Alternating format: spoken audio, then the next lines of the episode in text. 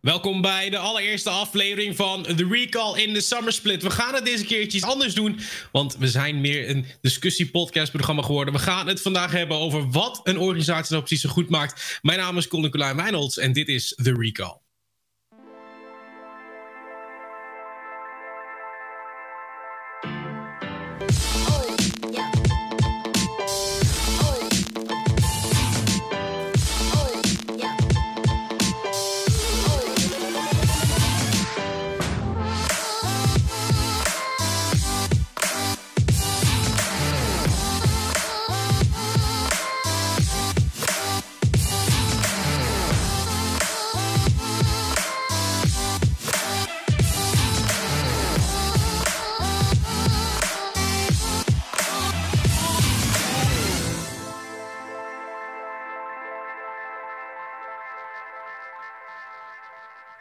Ja, nogmaals van harte welkom bij de allereerste aflevering van de Summer Split editie van de Recall. Waar we het uh, vandaag uitgebreid gaan hebben over ja, wat een organisatie nou precies goed maakt. Uh, gelukkig hoef je het niet in mijn eentje te doen, want bij mij vandaag is uh, Maurits Klonker Meeuwse, zoals vanouds. Floris Escapers Buurman en Dennis Boemer. En dit is altijd gewoon zo spannende. Melnikov. Netjes, netjes. Ja, het ging ja, best wel goed. Perfect, perfect. Ja, heren, uh, ja, fijn dat jullie in ieder geval zijn. Uh, de eerste speelweek die zit er al op. En ik denk dat we daar ook gewoon eventjes heel kort over gaan. Want het is heel toevallig. Dynasty tegen Eike Zulu ook tegen elkaar uitgekomen. Ja, Floris, uh, helaas trok jij dat kortste eind met je team. hoe was voor jou die game? Um, ja, eigenlijk een beetje zoals de scrims. Early game super sterk. En dan merk je gewoon dat we wel wat ervarenheid kwijt zijn geraakt van de afgelopen split. En dat moeten we nu weer compenseren. Um, ja. Dus ja, dan zeker Echo Zulu met een uh, ervaren line-up. Was wel een beetje onze kryptonite op dit moment. Maar over vier weken dan uh, is de win van ons. Des, ik zag toevallig op Twitter voorbij komen dat jij een uh, redelijk upsette uh, fan had in jouw Instagram uh, ja. comments. Maar je hebt zelf niet eens gespeeld gisteren, want het was Dobby die supportte voor je gisteren in team. Klopt, klopt helemaal. Ja. Voorlopig uh, is Dommy op dit moment uh, in de main line-up. Uh, we hebben ja, zowel mij als Dommy gescreamd. En het ging op zich even goed. En op dit moment heeft Dommy meer motivatie te spelen dan ik. Dus vandaar dat hij nu de main roster ja, vervult, zeg maar. En ik ben momenteel even op het bankie. En ik hou me bezig met andere dingen daarnaast. Dus, ja, want dat is wel interessant. Daar gaan we het ook eventjes over hebben. Maar voordat ik dat doe, ja, Maurits, voor jou ook de eerste week weer na een hele lange periode. Hoe was voor jou de eerste week? Want je doet de Belgian League en de Dutch League. Ja, ik um, ben allemaal toch wel heel tevreden over het niveau. Um, Belgian League hebben we natuurlijk hier en daar wel een grapje over gemaakt. Maar het ziet er wel naar uit dat uh, zeker deze eerste week... Um, dat het niveau wat dichter bij elkaar ligt. Dat het niveau over het algemeen genomen ook wat hoger ligt. als ik kijk naar het niveau van Mako... Kijk, het is natuurlijk zeker bij de teams die het wat, net wat nieuwer zijn... nog allemaal redelijk basic... Uh, maar het ziet er allemaal goed uit in Dutch League. Ja, dat was vorig seizoen heel leuk, heel spannend. Mm. En deze pot ook weer. Dynasty Echo Zulu was ook een leuke pot. Was ook de langste van uh, die we de afgelopen paar dagen gehad hebben. 40, 42 minuten. Ja, iets meer dan 40 minuten, ja. Ze speelden het traag, maar het, het was uiteindelijk wel een leuke pot om te kijken. Ja, zoals je gewend bent van ons bij de recall, of je eigenlijk niet gewend bent, want we gaan het even iets anders aanpakken. Gaan we het niet meer echt de recap show zijn, maar meer de show waar we eigenlijk vooral hebben over de dingen die rondom de league heen spelen. En één zo'n ding is, uh, ja, wat maakt een organisatie nou goed? Nou, laat vooral weten wat jij ook denkt. Dat kan met de hashtag TheRecall. Dan kun je ook jouw mening geven tijdens de show. En natuurlijk ook in de Twitch-chat. We krijgen soms wel wat dingetjes ingefluisterd. Dus uh, niet denken dat je tegen de muur aan het praten bent.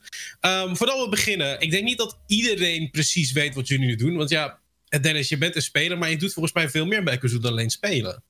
Klopt. Um, zoals veel van jullie weten is uh, Serdal Shater. Hij is eigenlijk uh, de OG-oprichter van Ekazulu. Mm. Um, en sinds een, uh, volgens mij een jaar of anderhalf heeft hij nu, een jaartje denk ik, heeft hij nu een nieuwe job. Dus hij is er heel veel mee bezig. Um, dus vandaar dat heel veel taken uit het pakket van Serdal weg zijn gevallen. En die probeerde ik zo goed mogelijk op te vullen. dat bestaat uit een beetje een ja, managerrol voor het team. Dus gewoon zorgen dat de vijves goed zijn, dat iedereen zin heeft om te spelen. iedereen speelt. Uh, maar daarnaast ook de socials. Dus uh, denk aan Twitter, uh, Instagram wat minder. Um, ja, eigenlijk alles rondom het team. Bedenken van content.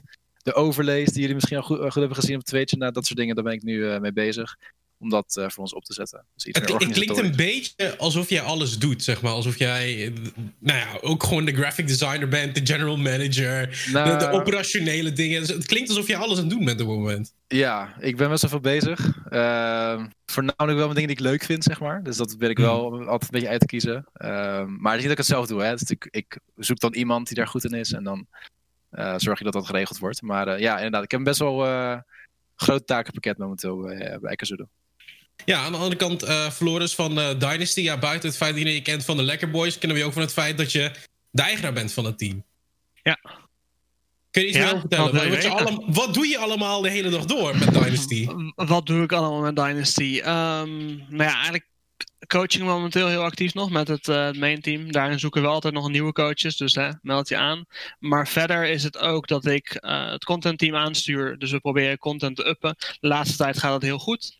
Um, en ook nog een stuk strategisch. Dus oké, waar is dan de toekomst?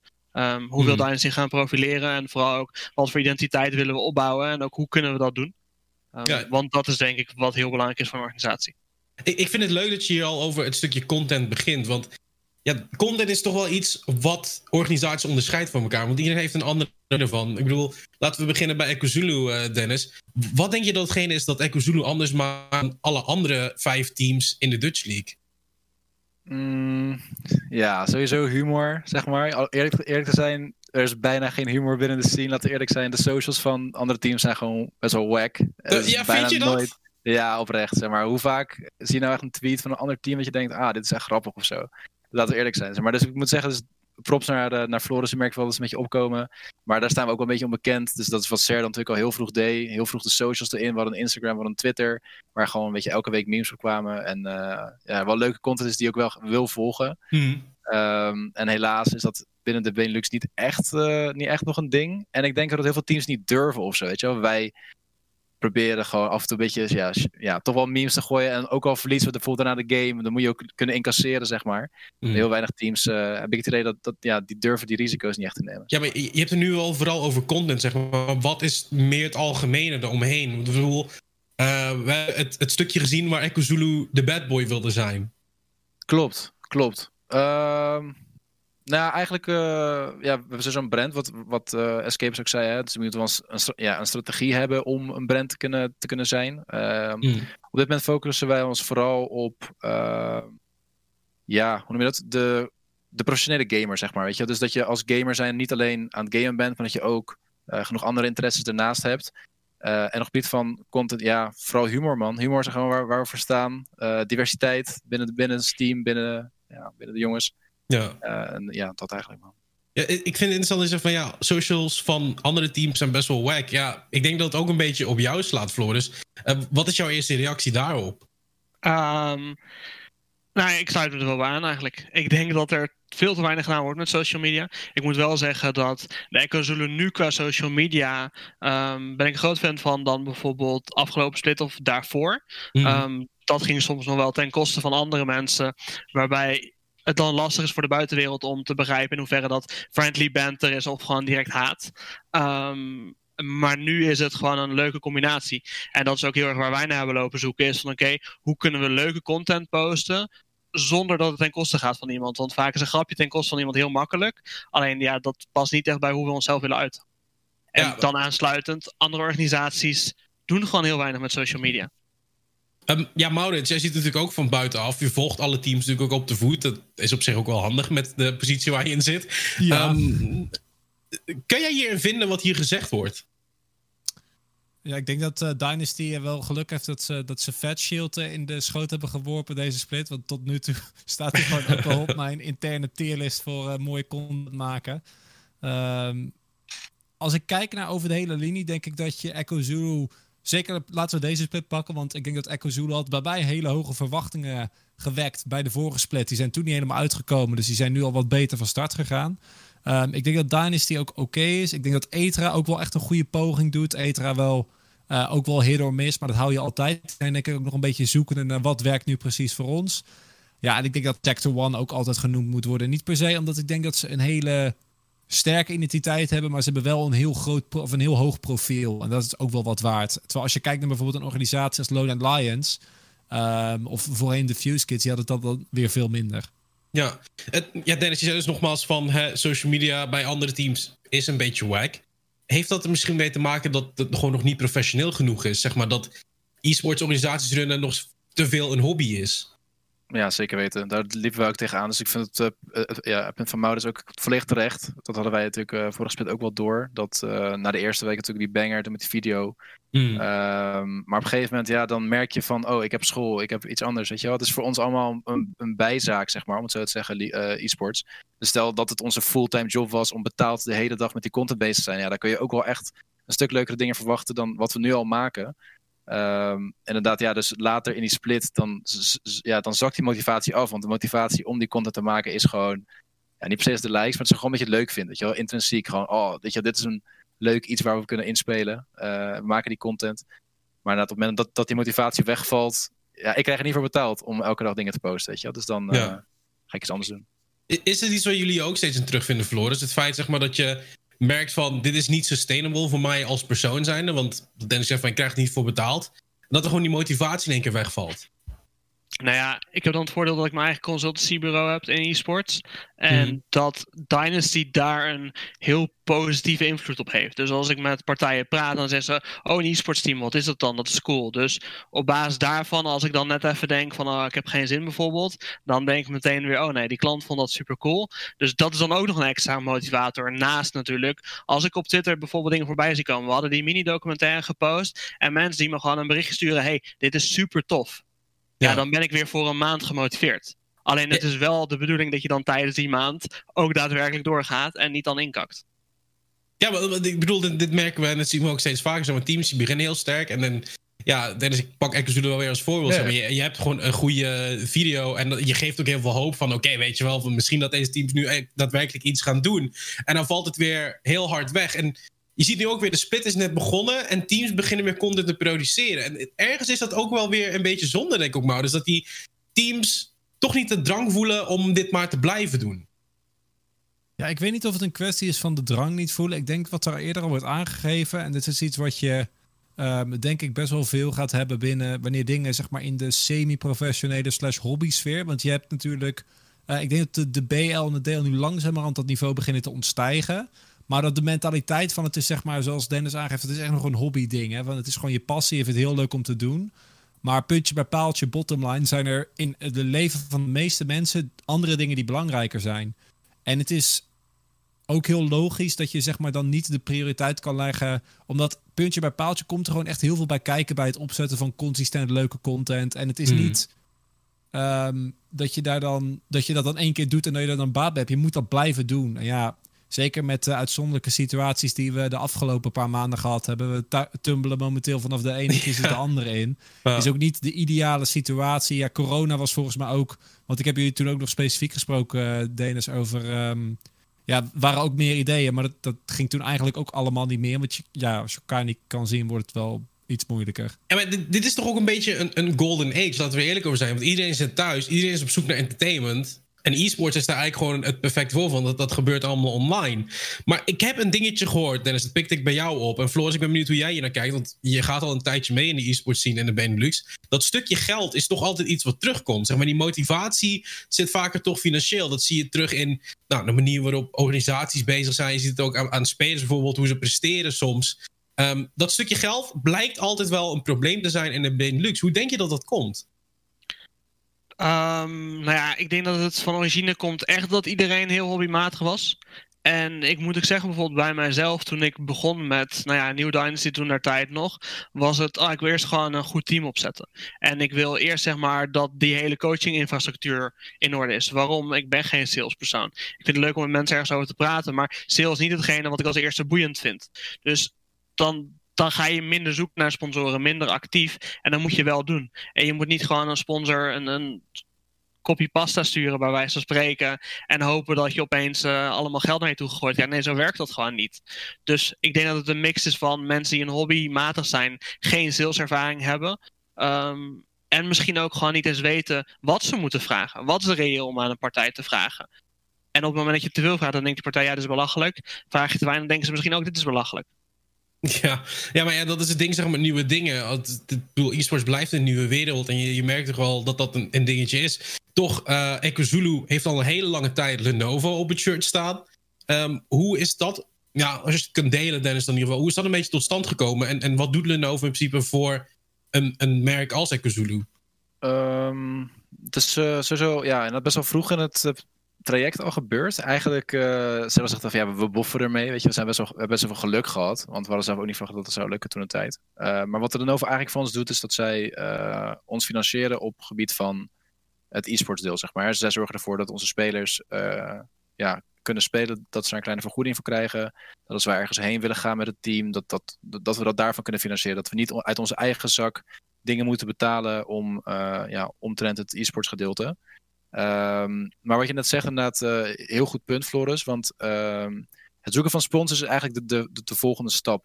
En um, je, zoekt, ja, je benadert ook niet een sponsor met een copy, uh, met een copy-paste bericht. Want wij hebben het idee van ja, wij, wij willen een sponsor die aansluit op onze normen en waarden, op, op onze brand. En dat we elkaar in ieder geval op die manier kunnen, kunnen versterken. Alleen uh, hebben wij het idee van de, de, de sponsors die wij dan willen, of die we eigenlijk het liefst zouden hebben bij, bij EcoZulu, daar zijn we op dit moment gewoon nog niet groot genoeg voor. Wij hebben hmm. niet genoeg om naar hun toe te stappen en te zeggen van, nou, weet je wel, want laten we eerlijk zijn, wat kun je daadwerkelijk uh, verkopen aan zo'n partij? Weet je, wel? je kan verkopen dat, dat als je streamt, dat er een logo uh, in staat. Je kan een, misschien een plekje op je shirt verkopen. Maar ja, hoe vaak heb je nou echt je shirt aan? Je speelt twee keer per jaar op een LAN of zo. Voor de rest heb je dat shirt nooit aan. Dus het is al, ja, heel, heel snel word je al geforceerd om de socials die je hebt te verkopen. Uh, dus dat is voornamelijk ook de reden dat we nu met, met die socials bezig zijn. We willen gewoon groter worden op de socials. Dat we echt een grote achterban hebben. En dat we dus met, ja, met die achterban uh, hopelijk ook ja, onszelf kunnen voorzien van dat leuke sponsors. En daarmee dus te groeien. Ik bedoel, ik heb zelf persoonlijk ook wel wat ervaring met sponsors. Omdat ik uit een hele andere wereld kom. Maar dat, dat is niet heel relevant hier. Maar iets wat ik erg oppik. En ik, ik ben heel benieuwd hoe jij hierover denkt, Floris. Is toch een stukje onzekerheid of zo? Of, of angst om afwijzing te krijgen? Of dat een, een, een merk gewoon nooit meer met iets met e-sports wil maken. Omdat het niet is wat ze ervan verwachten. Is dat een beetje correct wat ik je oppik?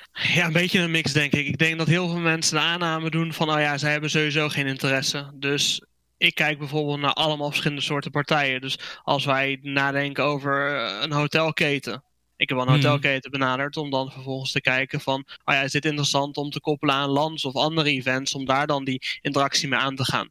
Ja, um, want hoe ging dat proces? Hoe ging jij met zo'n sponsor dan? Hoe kom je daarmee in aanraking? Wat gebeurt er dan? Nou ja, uiteindelijk, ik probeerde het en ik kreeg een hele duidelijke nee terug. Nadat ik een heel leuk idee had bedacht om met hen te doen. En dat is heel teleurstellend, want je steekt er best wel wat tijd in om zoiets uit te denken.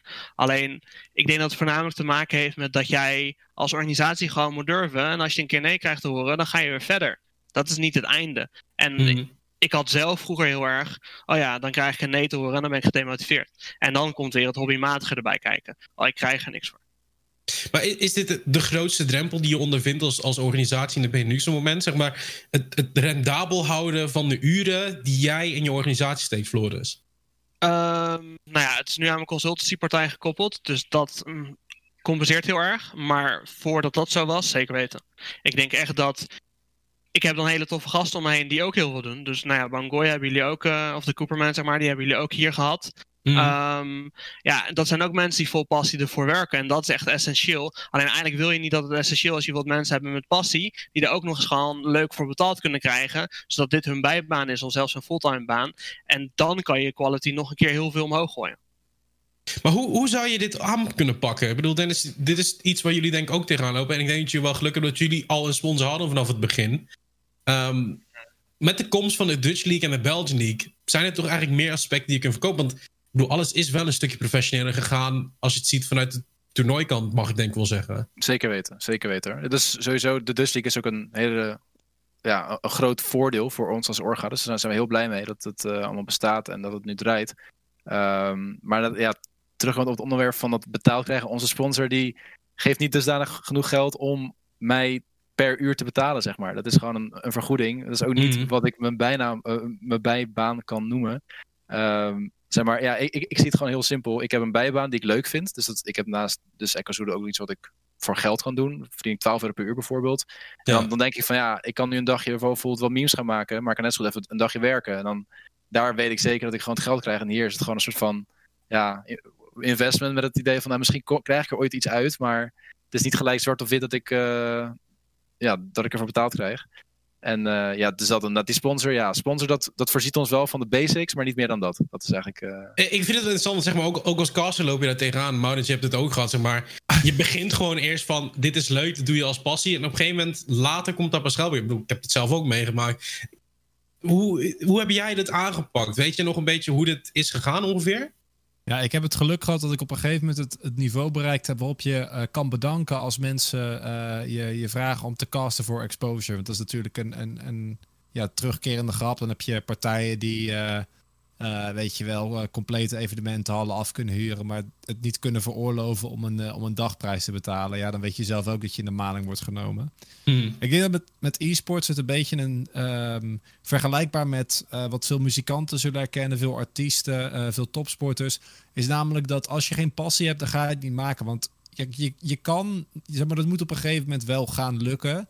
Um, als je een bepaald niveau wil bereiken. Maar je kan niet gaan kijken hoeveel uren je erin stopt versus wat je eruit haalt. Want het is gewoon, dat, dat is hetzelfde als dat je repetitieuren zou rekenen. Weet je, als je gaat kijken hoeveel solo queue uh, spelers spelen. Als je kijkt hoeveel uh, werkmanagers en teamowners vanuit de eigen zak doen. Ja, als er geen passie zit, dan ben je er echt al heel snel klaar mee. En wat zij. Uh, Floris volgens mij net ook al van. De hoop is dat je op een gegeven moment een niveau bereikt. waar je en dat soort mensen hebt die dat eigenlijk sowieso zouden doen. Maar als je, ze dan wel de vergoeding kan geven die ze daadwerkelijk wel verdienen. Maar moet je dan niet het genoegen nemen van het feit dat een merk met jou wil samenwerken voor de exposure, voor de passie die zij hebben voor e-sports? Want laten we eerlijk zijn, qua gamingmerken, om maar wat te noemen, er zitten er genoeg in Nederland en in België dat dit mogelijk is. Er is budgetten, dat weten we ook wel. Ik bedoel, we zien het zelf ook, um, dat het wel mogelijk is moet er gewoon actiever gezocht gaan worden. En ik denk dat het ook even het laatste stukje we gaan hebben over de financiële kant van de organisatie. Het is een heel belangrijk deel, maar het is niet het enige. Moet er nog veel actiever gezocht gaan worden, Floris? Ik denk het wel. Ik denk dat als iedereen veel actiever zou zoeken, zelf probeer gewoon creatief te zijn in wat jij kan bieden voor zo'n organisatie. Dus wel ons bijvoorbeeld wij proberen die identiteit van strevers, van talent, zeg maar, dat verder ontwikkelen. En daar zoeken we ook merken op eigenlijk uit. Dus dan denk ik van oké, hoe komen die normen en waarden overeen? Oh, dat is een match en op basis daarvan benader je ze. En ik denk gewoon dat iedereen moet denken, joh, als ik afgewezen word, maakt me niet uit. Ga gewoon die brands benaderen. En er moet wel budget beschikbaar zijn. Of hier komt een aanmerking met hun en misschien wijzen je het op dat moment af. Maar denken ze een half jaar later, oh, e-sport wordt nog groter. Oh, dat was een mhm. tof gesprek toen. Laten we ze nog een keer met hun een call inplannen. Ja, maar ja, in, in die tussentijd, dat zei je ook al van, dat is wel zeg maar, dat, dat stukje tijd, zeg maar, die paar maanden, dat is wel waar je de motivatie kan kwijtraken. En ik denk dat daar wel heel belangrijk is dat teams ook gewoon merken. En ik denk ook spelers uiteindelijk wel. Want bedoel, je hebt spelers nodig om je team te kunnen rennen. Ik denk dat spelers ook wel goed moeten begrijpen van. Weet je, we zijn een nieuw iets aan het neerzetten en dat heeft gewoon even tijd nodig. En ik denk dat het soms ook wel mist. En met dat gezegd te hebben, Dennis, ga ik eigenlijk naar het volgende toe. Um, de spelersenwens is het allerbelangrijkste in een organisatie. Um, Nee. De spelers de wens, zei je? Ja. Is belangrijk. Ik wil nog wel één stukje voor over het stuk hiervoor. Was het heel even kort nog één, één onderdeeltje ervan. Hè? Want ik uh, had nog iets te zeggen. Ja. Uh, het benaderen van sponsors. Nou, het moet meer gebeuren. Maar uh, uit mijn persoonlijke ervaring, bijvoorbeeld uh, Robé is een merk. Ik kende het zelf totaal niet. Ik zag gewoon een YouTube-video van Royston Drenthe die terugkwam naar Sparta Rotterdam of zo. En had een shirt aan van, hé, hey, dat shirt ziet er wel cool uit. Ik zag Robé staan, ik googelde, weet je wel. Dus dat is in principe een lead die wij toen hebben gevonden. En dus we hebben nu onze trainingspakken ervan. Dus onze, onze shirtjes worden al best wel lang gemaakt door hun. Uh, maar het is dan wel zo van demotiverend om uh, vervolgens een team als de Fuse Kids in exact hetzelfde pak te zien lopen. Dat je denkt van ja, ik heb een soort van de moeite gedaan. Ik heb het contact gezocht. Ik heb de mails gestuurd. Ik heb weet je wel, het harde werken ingedaan.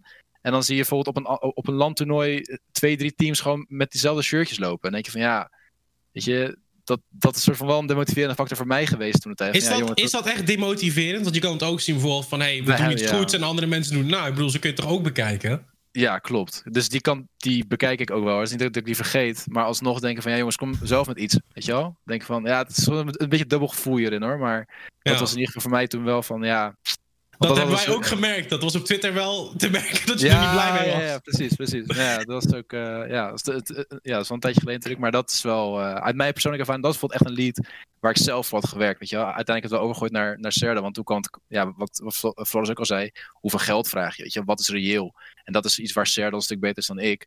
Uh, ja, ik heb op zich wel de ideeën en ik zie in grote lijnen wel hoe een samenwerking... Dit zet me wel weer aan het denken, zeg maar. We zijn hier eigenlijk wel collectief bezig. Als we heel mhm. eerlijk moeten zijn. Ik bedoel, we, moeten het met z'n allen doen. Zorgen dat die scene uitkomt. Dat, dat is niet per organisatie, lijkt mij toch? Dus ergens... Ja, ik ben het met je eens. Het is heel zuur, zeg maar, dat het gebeurt. Maar ergens vind ik het ook wel... Ik wil niet per se zeggen kwalijk. Uh, maar ik vind eigenlijk niet per se dat daar kwaad over mag worden. Uh, dat je er niet kwaad af mag overmaken. Dat wil ik ook niet zeggen. Mm maar ik denk wel dat er anders gereageerd had kunnen worden op de situatie. Want ik bedoel, we zijn maar een kleine regio wat dat betreft, toch? Kijk, er is, er is geïnspireerd worden en kopiëren, weet je wel? Dat was gewoon uh, wel echt okay, copy-paste. het was letterlijk alleen het logo was anders. Weet je, pak dan een ander trainingspak of zo. Weet je wel, doe, ja, dus dat je gewoon. Dat is een gevoelig punt. Ik, uh, ja, dat is, uh, ja ik, ik vind het eigenlijk, zeg maar, als mensen dat kopiëren, dan is dat gewoon een compliment naar je auto. Dus je hebt gewoon je dingen goed gedaan. En zij nemen dat dan over. En ja, dan is het jammer dat ze misschien niet bepaalde dingen aanpassen. Uiteindelijk heb jij er wel voor gezorgd dat zij die stap maken. Zodat dat dan bijdraagt aan het geheel, is dat oké. En ik snap wel de zure nasmaak natuurlijk. Maar ik denk wel dat we er naartoe moeten werken. Waarbij uiteindelijk misschien, nou ja, stel jullie hadden op een gegeven moment hadden jullie die uh, Eat Natural heette dat ja. als, als, uh, als sponsor. Dat is ook heel interessant. En hopelijk denken de andere partijen, oh ja, zulke soort sponsors kunnen wij ook krijgen. Dus mm. als dat gewoon inspirerend werkt. Hey, ik, ik, ik vind het allemaal heel. Ik denk dat ik uren over kunnen praten, het financiële plaatje. maar waar ik naar heen wil is van. De speler wensen alle belangrijkste. Want wat we hebben gezien de afgelopen periode in Benelux is. En ik denk dat Dennis hier heel goed over mee kan praten. Het, Er mm. zijn spelers die niet met bepaalde spelers willen spelen. Mm. En dat zorgt ervoor dat organisaties ook gewoon niet de meest efficiënte line-up maken, maar de meest uh, minst hostile line-up maken. Dus de stelling is dan ook: de spelerswens is het allerbelangrijkste, Dennis. Mm, bij ons, uh, ja, bij ons is, de collectieve wens het belangrijkste. Dat is in ieder geval hoe wij er altijd naar hebben gekeken. Vanaf uh, dag één hebben we altijd de vriendengroep echt centraal gesteld. Iedereen moet elkaar, met elkaar overweg kunnen. We hebben ook line-ups gehad waar iedereen het heel goed met elkaar kon vinden. Alleen twee personen met elkaar bijvoorbeeld niet, niet helemaal lekker lagen. Ja, dat is toch wel iets wat een team raakt. En wat je net zegt, efficiëntie is gewoon belangrijk in de teamomgeving. En op het moment dat er, er uitvalt door persoonlijke problemen, zeg maar, ja, dan gaat toch de orga wel voorop. Zeg mm. maar, ja, hoe, hoe lullig dat klinkt voor die personen. Uh, ja, dan moet je toch die keuze maken, want je moet als team verder. En ja, de persoon die probeert zo goed mogelijk. Het is wel, is uh, je steekt de moeite in, je probeert sowieso op te lossen met ze het moment dat die lukt, ja, dan moet je gewoon zeggen: sorry jongens, dan uh, houd het op. Ja, want ik neem aan, Floris, dat jij dat ook vaak nog tegen bent gekomen. Spelers die eigenlijk wensen hebben die nooit van zijn leven in de Benelux waargemaakt kunnen worden. Ja, en dan heb je bijvoorbeeld bij een Dynasty niks te zoeken. En dat is niet omdat ik die persoon dan niet mag, maar ik denk uiteindelijk gaat het echt om het geheel. En op het moment dat jij als spelers en als coach bijvoorbeeld niet een klik hebt, dan gaat het gewoon niet werken. Dus zelfs al is er een speler die bizar goed is, duizend LP Challenger zit, super mooi. Maar op het moment dat hij totaal niet klikt met de andere spelers, dan gaat het gewoon averechts werken voor je team. Dus ik denk dat je als organisatie gewoon bepaalde eisen daarin mag hebben. Om te zeggen van hier moet je eigenlijk aan voldoen. En dan is prima. En dat is ook, als ik daarop in kan haken, voor onze try procedure. Voordat mensen überhaupt gaan try bij Dynasty, heb ik eerst een gesprek van drie kwartier met elke speler. En heeft uh, Max, onze mental coach, ook een gesprek met die spelers. Om hmm. gewoon te checken van oké, hoe passen zij binnen de organisatie? Hoe zouden ze binnen het team passen? Is het de juiste aanvulling? Hoe confident komen ze over? Um, zodat je niet zometeen mensen aan het trouwen bent die eigenlijk op basis van gedrag totaal niet in je organisatie zouden kunnen passen. Dus je kijkt al voor voordat je überhaupt mensen laat trouwen van hoe ze zijn. Um, oh, een tweetje trouwens zie ik voorbij komen van Robert Wils. Floris is goud voor aankomend talent. Heeft al vele spelers groot gemaakt uh, met Dynasty en Kweekvijver voor de toekomst in League of Legends. Ja, dit is eigenlijk iets waar aan het begin eigenlijk al over moeten hebben. Dat, zeg maar, wat onderscheidt je organisatie? Ik bedoel, Dynasty is nou eenmaal gewoon van... je zit de rookies, je zit de nieuwe talenten. Maar ik denk dat het ook wel weer het dingetje is... zeg maar, de spelers, zijn wens is het belangrijkste ik denk dat heel veel spelers in de Benelux ook best wel verwend zijn geraakt over het feit dat. Nou ja, je ging. De ene land ging je bij dat team spelen, de andere land ging je daarheen. Want nou, die orga die bood een muis meer of die bood dit meer. Um, dit zit nog heel erg in het systeem bij spelers, heb ik soms het gevoel. En Floris, jij hebt het er ook over. Je gaat eerst met die mensen in gesprek. Maar wat nou als het niet zo is? Wat doe je er dan aan, zeg maar, dat je ze toch een beetje kan omdraaien? Ga je dat gesprek aan of steek je die moeite dan toch niet erin? Compleet afhankelijk van waar de speler naartoe wilt werken. Dus als het bijvoorbeeld een speler is die misschien qua attitude initieel niet helemaal erbij past, maar dat je wel denkt van, oh zijn motivatie is wel echt goed en uh, bijvoorbeeld een speler die dan ook nog een andere topsport doet, dat is vaak voor mij echt wel een, een groot, uh, groot pluspunt, want dan denk ik van, joh, je hebt die competitive mindset al, dus dan kunnen misschien andere dingen er niet goed zijn, maar je hebt gewoon zo een paar vinkjes om het zo maar te zeggen. Mhm. En als dat niet allemaal groen is, dat is helemaal prima. Maar het moet wel nou ja, niet ten koste gaan van de andere spelers als die in de line-up komt. Ja, maar dan krijg je een beetje de dynamiek, Dennis, van je gaat een, een, team wat leuk is en, en goed met elkaar werkt tegenover spelresultaat zetten. Ik bedoel, we zijn een league. Het gaat uiteindelijk om de competitive aard ervan. Ga je dan je content en de feel van je organisatie boven het spelresultaat zetten? Ja, in ons geval wel. Ja, daar hebben wij uh, wel bewust voor gekozen meerdere keren, zeg maar. We, ook deze split weer hadden we in principe die keuze: gaan we voor een prestatieteam? We hebben het in het verleden wel een keer geprobeerd. Dat we een beetje de, de orga loslieten. En meer gingen kijken naar prestatie. En dat is gewoon niet, ja, niet het gewenste resultaat geweest wat, wat we hoopten. Hmm. Ehm, dus ja, we hebben gewoon gefocust op, weet je wel, onze brand. Wat voor mensen passen erbij en hoe vullen we dat het beste in? Dus in dit geval, het gaat ons niet per se om eerst te worden. Dat is niet waar Echo Zulu voor staat. We winnen natuurlijk, weet je wel, winnen is leuk doen alles aan om de game waar we in zitten te winnen. Uh, maar het gaat ja, niet ten koste van andere dingen, zeg maar. Weet je wel? Dus we gaan niet zeven dagen per week scrimmen zoals een LEC-team. Of, weet je wel? Dus, uh, ja, maar ik denk dat er nu heel veel mensen zitten te denken van... waarom ben je dan spelen als je toch niet speelt om te winnen? Ik denk dat heel veel mensen zijn die er nu zo over denken. Maar uh, ja. je speelt wel om te winnen. Je speelt altijd om te winnen. Alleen je speelt om te winnen met eventueel de middelen of de mindset die je hebt. Dus net zoals bij ons, wij spelen met rookies. Dat betekent ook dat ik weet dat ze fouten gaan maken in de game. En dat we verliezen. Alleen ik weet ook dat het best wel veel waarde heeft voor de organisatie. En ik tegelijkertijd hun misschien verder kan helpen in hun carrière waarin ze doorgroeien. Ik denk dat bijvoorbeeld Luca daar een goed voorbeeld is. Die hmm. helemaal niks was en nu bij Lone Lions speelt, Alois vervangt. En iedereen denkt, oh ja, die gaat ook gewoon Alois kunnen vervangen. Dus ik denk niet dat het te maken heeft met niet willen winnen. Alleen dat je niet dezelfde prioriteit legt op winnen als dat bijvoorbeeld een andere organisatie doet. Je vindt dat je het heel politiek correct zegt. Een andere organisatie. Want ik heb een beetje vermoeden dat daar wel een naam aan gekoppeld zit. Maar goed, daar ga ik je niet voor gooien. Want ja, Maurits, uh, ja, je hoort het wel een beetje van... toch spelresultaat een tweede plek heeft. Dat klinkt eigenlijk wel vrij vreemd.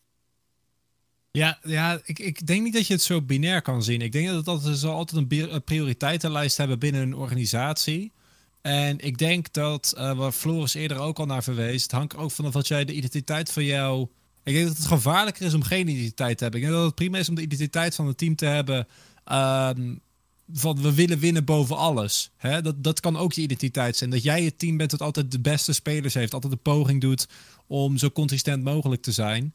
Ehm, en dan vanuit die positie proberen om altijd op die manier je brand te bouwen. En op die manier uh, je organisatie op de kaart te zetten.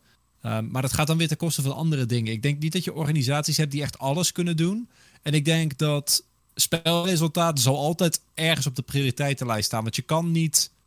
Uh, je houdt ook geen spelers aan als je alles blijft verliezen, zeg maar. Weet je wel, van spelers die gaan ook niet spelen om een seizoen lang uh, in elkaar geklept te worden iedere week. Van dat, dat, dat, dat, is, niet uh, dat is niet haalbaar. Mm Ja, dan de volgende vraag die ik eigenlijk een beetje heb, en we hebben het al een beetje over gehad. Van wat zijn echt de allergrootste drempels? We hebben het over financieel vlak gehad, maar we hebben het ook over motivatie gehad. Uh, is er iets waar we het niet over hebben gehad, Floris? Waar je denkt van, nou, dat is ook wel iets wat ons een beetje terughoudt? Um, in het algemeen of specifiek in Dynasty? Nou, ik denk dat je dit gewoon voor allebei mag houden. Ik denk met Dynasty heb je zelf natuurlijk wel de ervaring erin van, hè, wat houdt mij tegen? Maar ik denk dat je ook wel vrij algemeen op spreken van, je denkt van, nou, weet je, dit moet misschien nog een beetje groeien. Of dit moet er echt wel eens komen. We wat weten, ja, wat ik, wat ik echt mis, we weten van zoveel Nederlandstalige spelers niet dat ze er zijn. Oké dat is eigenlijk heel raar, maar er zijn nog zoveel talentvolle Diamond 1, Master, GM-spelers zelfs, die dan via, via, via opeens in aanraking komen met Competitive League of Legends en denken, oh, dit is super cool. Dus ik denk dat als land we zeg maar heel veel talent hebben, dat we nu echt een stijgende lijn hebben, dat het niveau hoger wordt, dat gaat ook sowieso helpen, maar dat er nog heel veel meer talent is wat misschien die stap niet durft te maken. Uh, dus dat houdt het voor mij ook nog een beetje tegen. Hoe, hoe zou je dit willen oplossen? Want ja, ik bedoel, Dynasty is nog altijd wel de organisatie die dat soort personen ook vindt. Van, kun je een beetje lichtdoorschijnen hoe je ze precies vindt. Is het echt gewoon via via? Of kijk je gewoon af en toe een keertje... Nou, wie zijn de hoogste rankte spelers in de server? En dat je dan toevallig maar een Nederlandse naam voorbij ziet komen. Ja, nou kijk, dat heb ik wel gedaan hoor, dat je de server langs kijkt. Maar dat is heel frustrerend werk met vaak heel weinig resultaat. Um, heel vaak is het op verschillende fora zie je soms zoiets voorbij komen. Reddit bijvoorbeeld. Um, andere coachingfora ook wel. Soms free agent databases waar ze dan in zitten. En zo bewaar je gewoon een aantal linkjes. Ook sommige mensen kom je via via bij. Um, die dan initieel geen interesse hadden. Sommige mensen bijvoorbeeld via, nou ja, zoiets als een Rival College League. Uh, In Nederland heb je natuurlijk de Dutch College League. Daarbij heb je dat ook. Er zijn echt wel spelers die zich aanmelden waarvan ik denk van wow. Je bent gewoon een GM-speler. Ja, je speelt wel alleen maar Shaco, bij wijze van spreken. alleen je bent wel een Nederlandse GM-speler. Dus blijkbaar heb je bepaalde mechanics of bepaalde knowledge.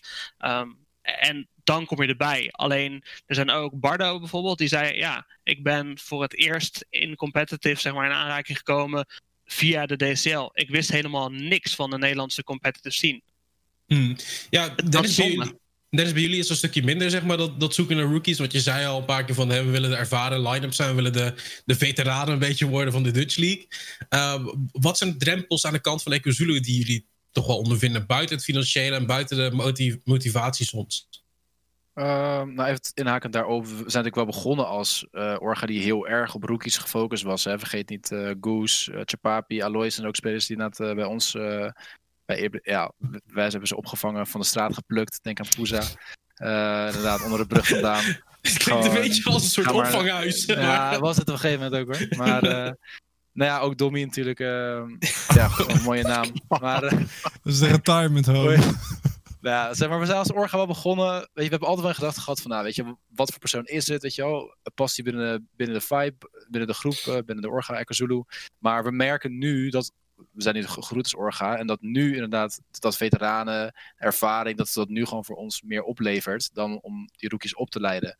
Uh, toen de tijd had ik, had ik bijvoorbeeld meer tijd, hadden we meer uh, aandacht voor de jongens. En nu willen we die tijd zo min mogelijk steken in het, weet je wel, uh, ontwikkelen of zo. Weet je, dat is niet meer, ja, lastig. Want wat je net ook zegt, van, hè, is het dan niet jullie visie om te winnen? Want dat zei Floris ook al goed. Tuurlijk, hmm. weet je, we spelen niet om te losen. Niemand, iedereen van ons is competitief.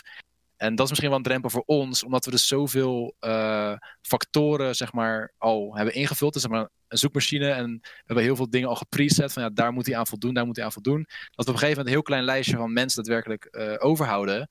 Die we willen en die we misschien ook nog ons willen. Weet je? Dus op basis daarvan, ook deze split weer, we hadden misschien maar vier, vijf mensen die interessant waren voor ons. Waar wij denken van, oh ja, deze willen wij graag bij de orga hebben. Dus we zijn super blij dat uh, Seps en Donny met ons in zee zijn gegaan. Want uh, ja, die sloten gewoon aan op onze, op onze visie. En uh, gelukkig hebben wij iets wat, uh, wat zij ook leuk vinden. Dus ja, dat is top. Ja, nu heb ik alsnog eigenlijk mijn vraag niet helemaal. Zeg maar, oh, als, als je zeg maar de, de drempels drempel, nogmaals drempel. binnen de organisatie, dat, dat is waar we vooral over gingen. Ik, bedoel, ja. ik, vind, ik, vind, het heel mooi zeg maar, dat jullie visie ook wel echt uitkennen, dat het ook een strategie van jullie is. En ik denk dat het ook een heel belangrijk onderdeel is. Maar ik ben vooral heel benieuwd zeg maar, van wat missen jullie wel nog? Zeg maar, van wat, wat gaat er nu eigenlijk niet echt goed bij Kazulu?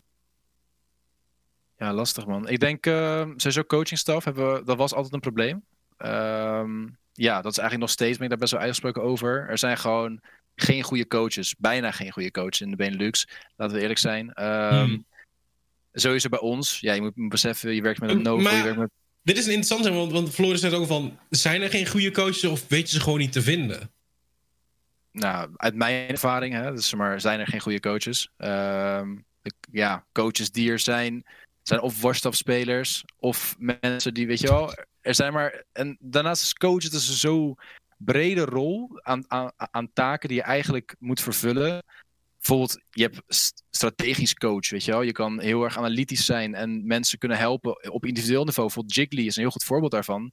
Die gaat dan een game met jou meekijken en die kan je gewoon precies vertellen, nou, dit moet jij zo doen, op deze minuut moet je hier worden, weet je. Die gaat je echt helpen om beter te worden. Maar in een, uh, in een teamomgeving, op het moment dat, dat je op een land staat en iemand Weet je, je hebt de eerste game verloren en iemand moet het heft in handen pakken en een team bijeenrapen. Dan zou ik Jiggly daar niet per se als de uh, aangewezen persoon voor, voor, plaatsen. Um, dus er is heel, heel weinig mensen die het volledige takenpakket van coach echt invullen. En voor ons al helemaal, want laten we eerlijk zijn, we zijn ook gewoon een groep idioten bij elkaar. De, je, met Mike, mij.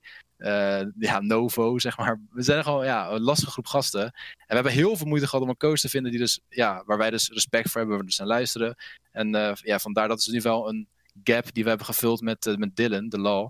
Die, mm. die sluit daar ook gelukkig op aan. Dus we, ja, we merken dat onze organisatie steeds completer wordt. En dat die drempels die we dus hadden, over het algemeen wel nu oversprongen worden. Ja, ik bedoel, drempels, dat zijn een beetje de problemen. En ik, dat is eigenlijk ook een beetje het volgende wat ik ook op wil brengen. Van de problemen die er nu spelen, waren die er vroeger eigenlijk ook al? En dan ga ik weer naar Floris toe. Ja, Floris, nogmaals, uh, ik bedoel, je hebt e-sports bijna van de grond af zien, komen. Je hebt de geboorte gezien, je was erbij, stond naast de kribben. Um, zijn er problemen die vroeger speelden die nu nog steeds het geval zijn?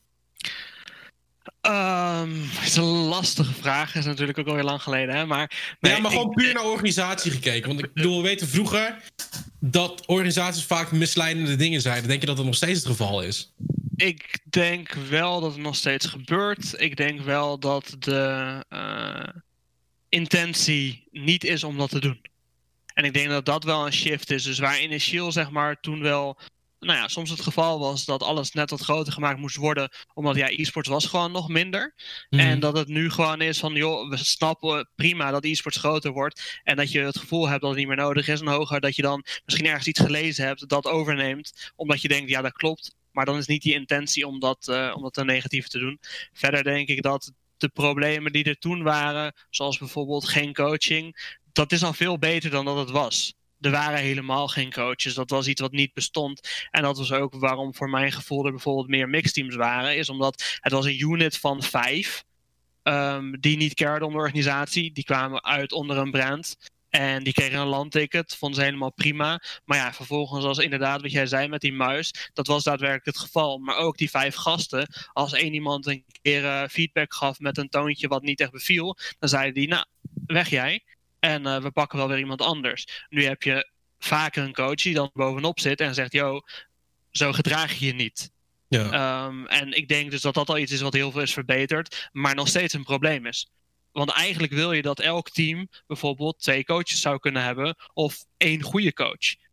En voordat we daar zitten, moeten we misschien meer washed-up spelers hebben die wel heel gemotiveerd zijn om te gaan coachen. Of mhm. misschien meer mensen die al eerder denken: Oh, ik wil gaan coachen. Ik heb niet meer die motivatie om te gaan spelen, maar coachen lijkt me super tof. En nu voelt het een beetje alsof het een carrièrepad is voor mensen die ze niet willen bewandelen. Als soort van, ja, ik word coach omdat ik niet meer goed genoeg ben in League of Legends. In plaats van, ik word coach omdat ik graag wil coachen. Of caster, ja. Ja, daar hoef je nooit goed voor te zijn. Hè? dat, uh, daar ben ik het levende bewijs van. Laten we wel wezen. denk ja, niet ik, dat ik, ik uh, de highlight reels haal. Iets, iets wat ik je wel oppik trouwens, en ik, ik ben benieuwd hoe jij over denkt, Maurits. Ik denk dat we gewoon heel erg te maken hebben nu met de generatieswap. Zeg maar dat we ook.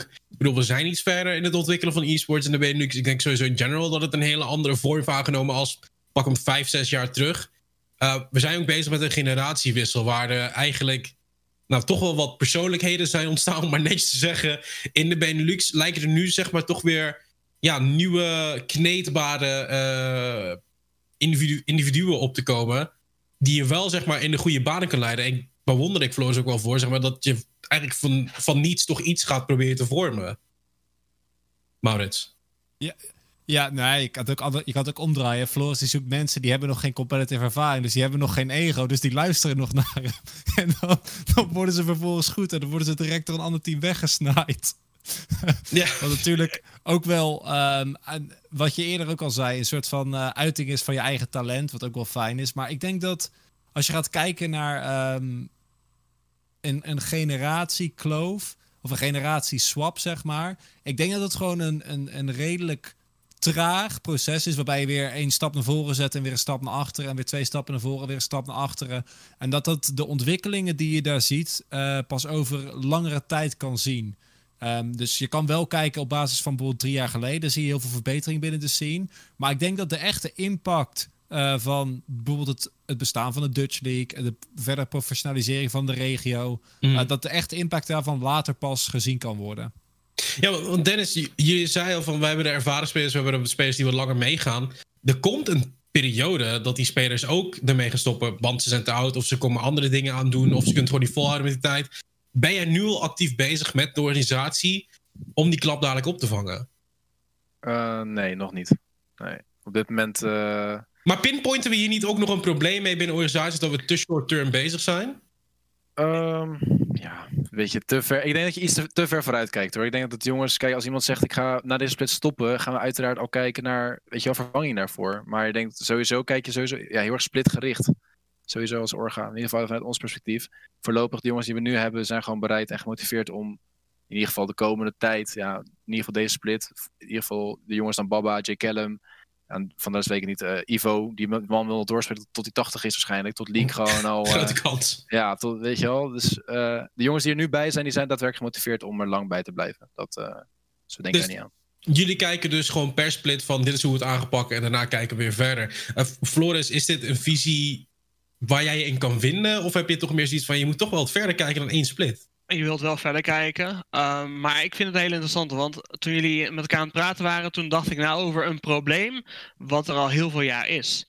En eigenlijk nog steeds is. En dat heeft te maken met de informatie en de kennis die verloren raakt eigenlijk. Dus als wij kijken naar uh, vroeger, toen had je bijvoorbeeld ECV eSports, had je AT Gaming. Uh, dat waren toen organisaties. En op een gegeven moment is dat ESV is veel meer die FIFA-kant op gegaan. Maar AT Gaming is bijvoorbeeld compleet gestopt. En in plaats van dat die kennis overgedragen werd, zijn vrijwel al die mensen binnen de organisatie gestopt met in een e-sports team iets doen.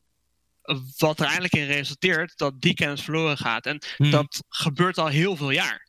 Wat echt wel een probleem is. Want dan moeten andere mensen weer opnieuw beginnen. En die gaan wel allezelfde fouten maken en tegen allezelfde problemen aanlopen. En dat is iets wat misschien nu met de Dutch League opgelost gaat worden omdat we een bepaalde consistentie gaan realiseren die er eerst niet was. Maar wel iets dat steeds moet iedereen weer hetzelfde opnieuw doen. En dat is ook iets wat ik denk wat nu beter eigenlijk moet worden. Waarbij ook organisaties, ja, als jij een vraag hebt als een organisatie, benader mij. Ik wil je echt wel tips geven. Ik heb ook gasten gehad die zeiden, joh, hoe werkt dat met de KVK? Hoe moet ik dat doen? En dat zijn, kan ik me prima indenken dat aan het begin dat hele lastige stappen zijn. Want, maar, hebben jullie contact onder elkaar als organisaties zijn? Of eigenlijk ook totaal niet?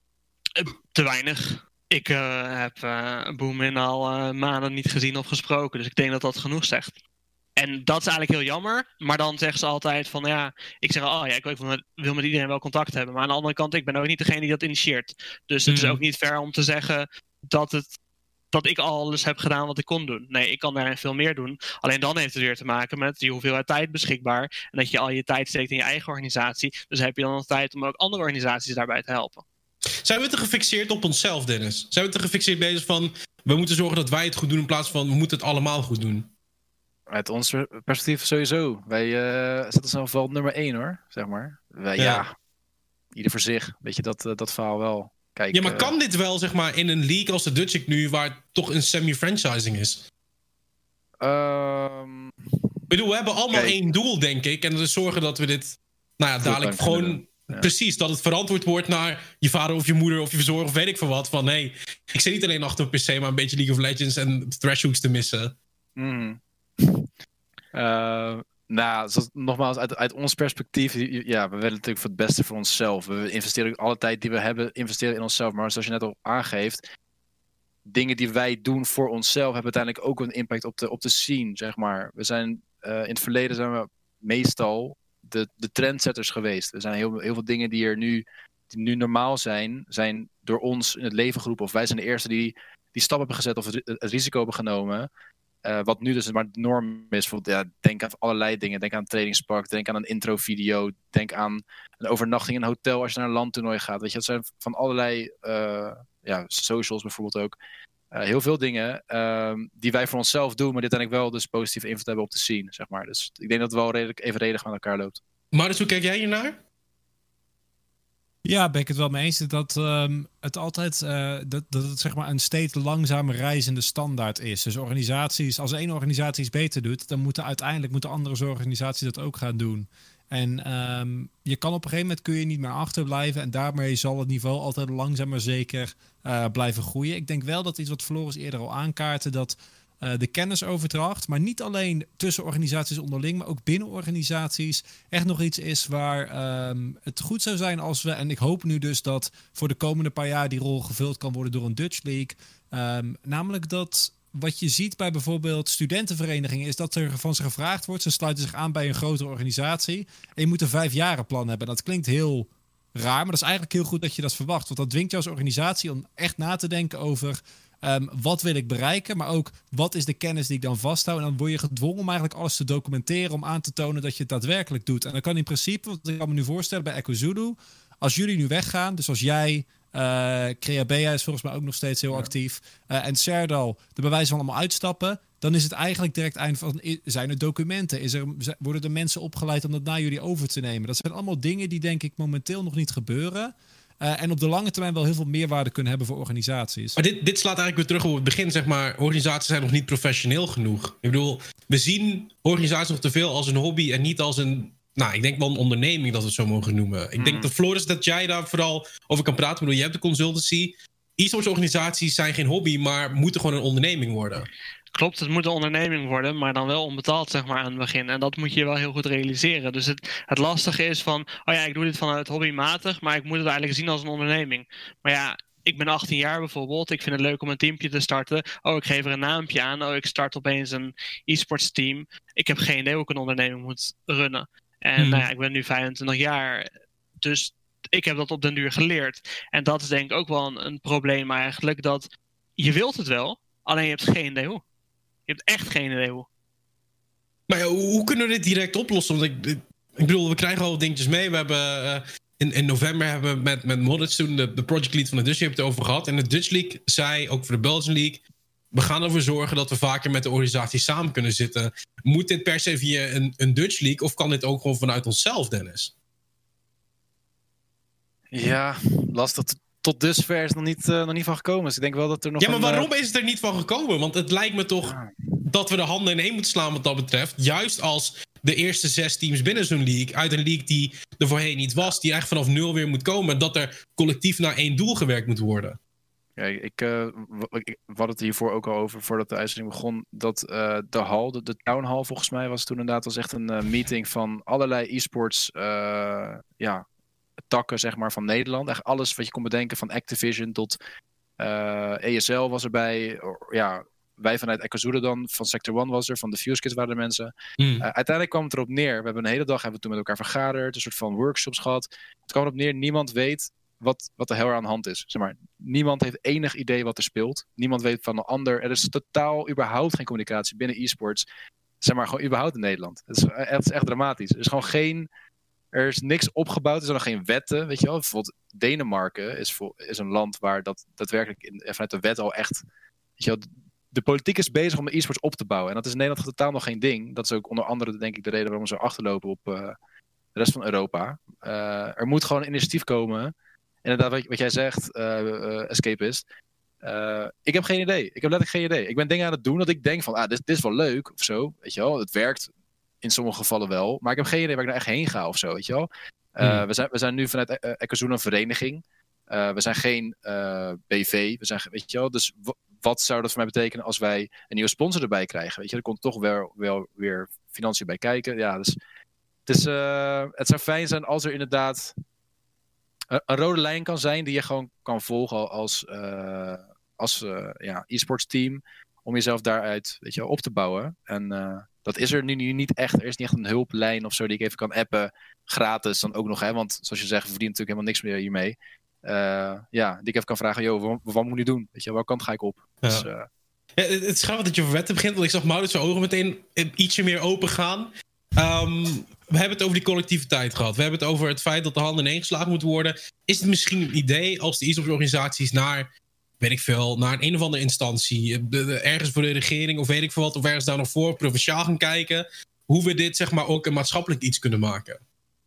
Ik denk dat je die, dat je die tendens al wel ziet. Ik denk dat het binnen voor organisaties binnen um, momenteel de Dutch, de, de Belgian League beter zou zijn als. Um, zeg maar, er is bij wijze van wat je eigenlijk wil, is dat de organisaties de handen ineens slaan om een draaiboek te schrijven met hoe zet je je eigen organisatie op.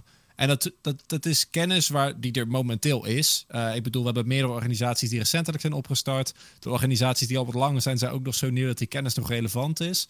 Um, en dat is meer intern. Als je inderdaad gaat kijken naar wil je daadwerkelijk dat uh, de lokale, de landelijke politiek, de gemeente erbij betrokken wordt. Ehm, ja, dat is ook weer, dat, dat is weer een heel onderwerp op zich, denk ik. Want als je gaat kijken, wat moet je doen om met gemeentes in aanraking te komen? Hoe kun je die enthousiasmeren? Ja, maar dat is dus het ding. Ehm, ik bedoel, Emcon heeft het nu gedaan. Het is nu Emcon Nieuws Rotterdam. Ze werken met de gemeente Rotterdam.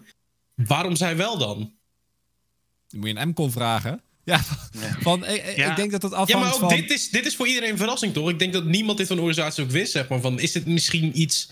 Ik bedoel, ik ben blij voor ze dat het is gelukt. En ik gun het ze ook van harte. Maar wil je niet dat de mensen om je heen dat ook, zeg maar, gaan vooruit gaan? Want als je allemaal gelijktijdig vooruit gaat... kun je daar alleen maar zelf van beter worden in dit geval. Ik, ik, ik moet zeggen, ik vind het erg lastig om er een, een, oordeel over te geven. Want ik heb geen idee wat het inhoudt. Dus ja, ja ze heet nu wel Rotterdam. Um, maar ja, wat betekent dat verder? Moeten ze bijvoorbeeld. Allemaal seizoenskaart voor Feyenoord. Uh, maar moeten ze voornamelijk Rotterdamse spelers bijvoorbeeld uh, nemen, indien mogelijk? Wat mm -hmm. voor andere restricties brengt dat mee? Ja, in hoeverre is dat dan vooruitgang? In hoeverre wil je dat als brand? Dus is dat vooruitgang? Ja, dat weet ik niet. En dat vind ik wel weer jammer. Want ik had bijvoorbeeld het tof gevonden als we dan misschien vanuit nou ja, een paar owners van het organisaties daarvoor misschien even met elkaar zouden zitten. En dat ik nu wel kon zeggen van, oh ja, uh, MCon doet dit vanwege deze reden. Ja. En, dat ik, en dat ik er daarom bijvoorbeeld ook denk, oh ja, dat is een vet goed idee, of daar kan ik ook van leren. En ik denk wel dat dat is wat we nu met de Dutch League een beetje kunnen starten. Is we kunnen die, die rode draad bijvoorbeeld creëren, maar het is echt creëren. Ja, iets wat ik hieruit oppik, zeg maar van, er wordt niks met elkaar gedeeld. Iedereen doet maar wat.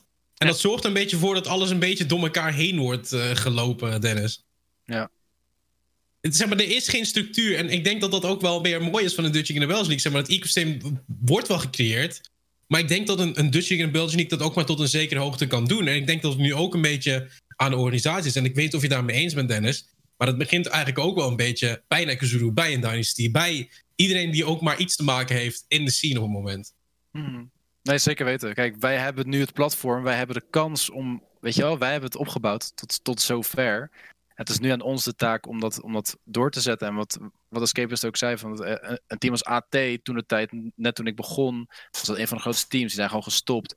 Wat je net zegt, ja, stel dat op, op een dag Serdo uh, promotie krijgt, opeens weg moet bijvoorbeeld naar, naar een ander land, gaat hij daar werken. Ik krijg een fulltime job aangeboden, ben ik weg. Ekozulu valt dan gewoon dood in principe. Mm -hmm. bestaat niet meer. Alles wat we hebben opgebouwd is dan gewoon weg. Dat is natuurlijk heel zonde inderdaad. Dus uh, het is nu inderdaad in, in, onze handen om er, uh, om er echt werk van te maken en om het een, uh, ja, een stabiel iets te, ja, te laten worden. Ja, want als ik zo over denk, zeg maar, we hebben de vraag gesteld in het algemeen, wat maakt een organisatie goed?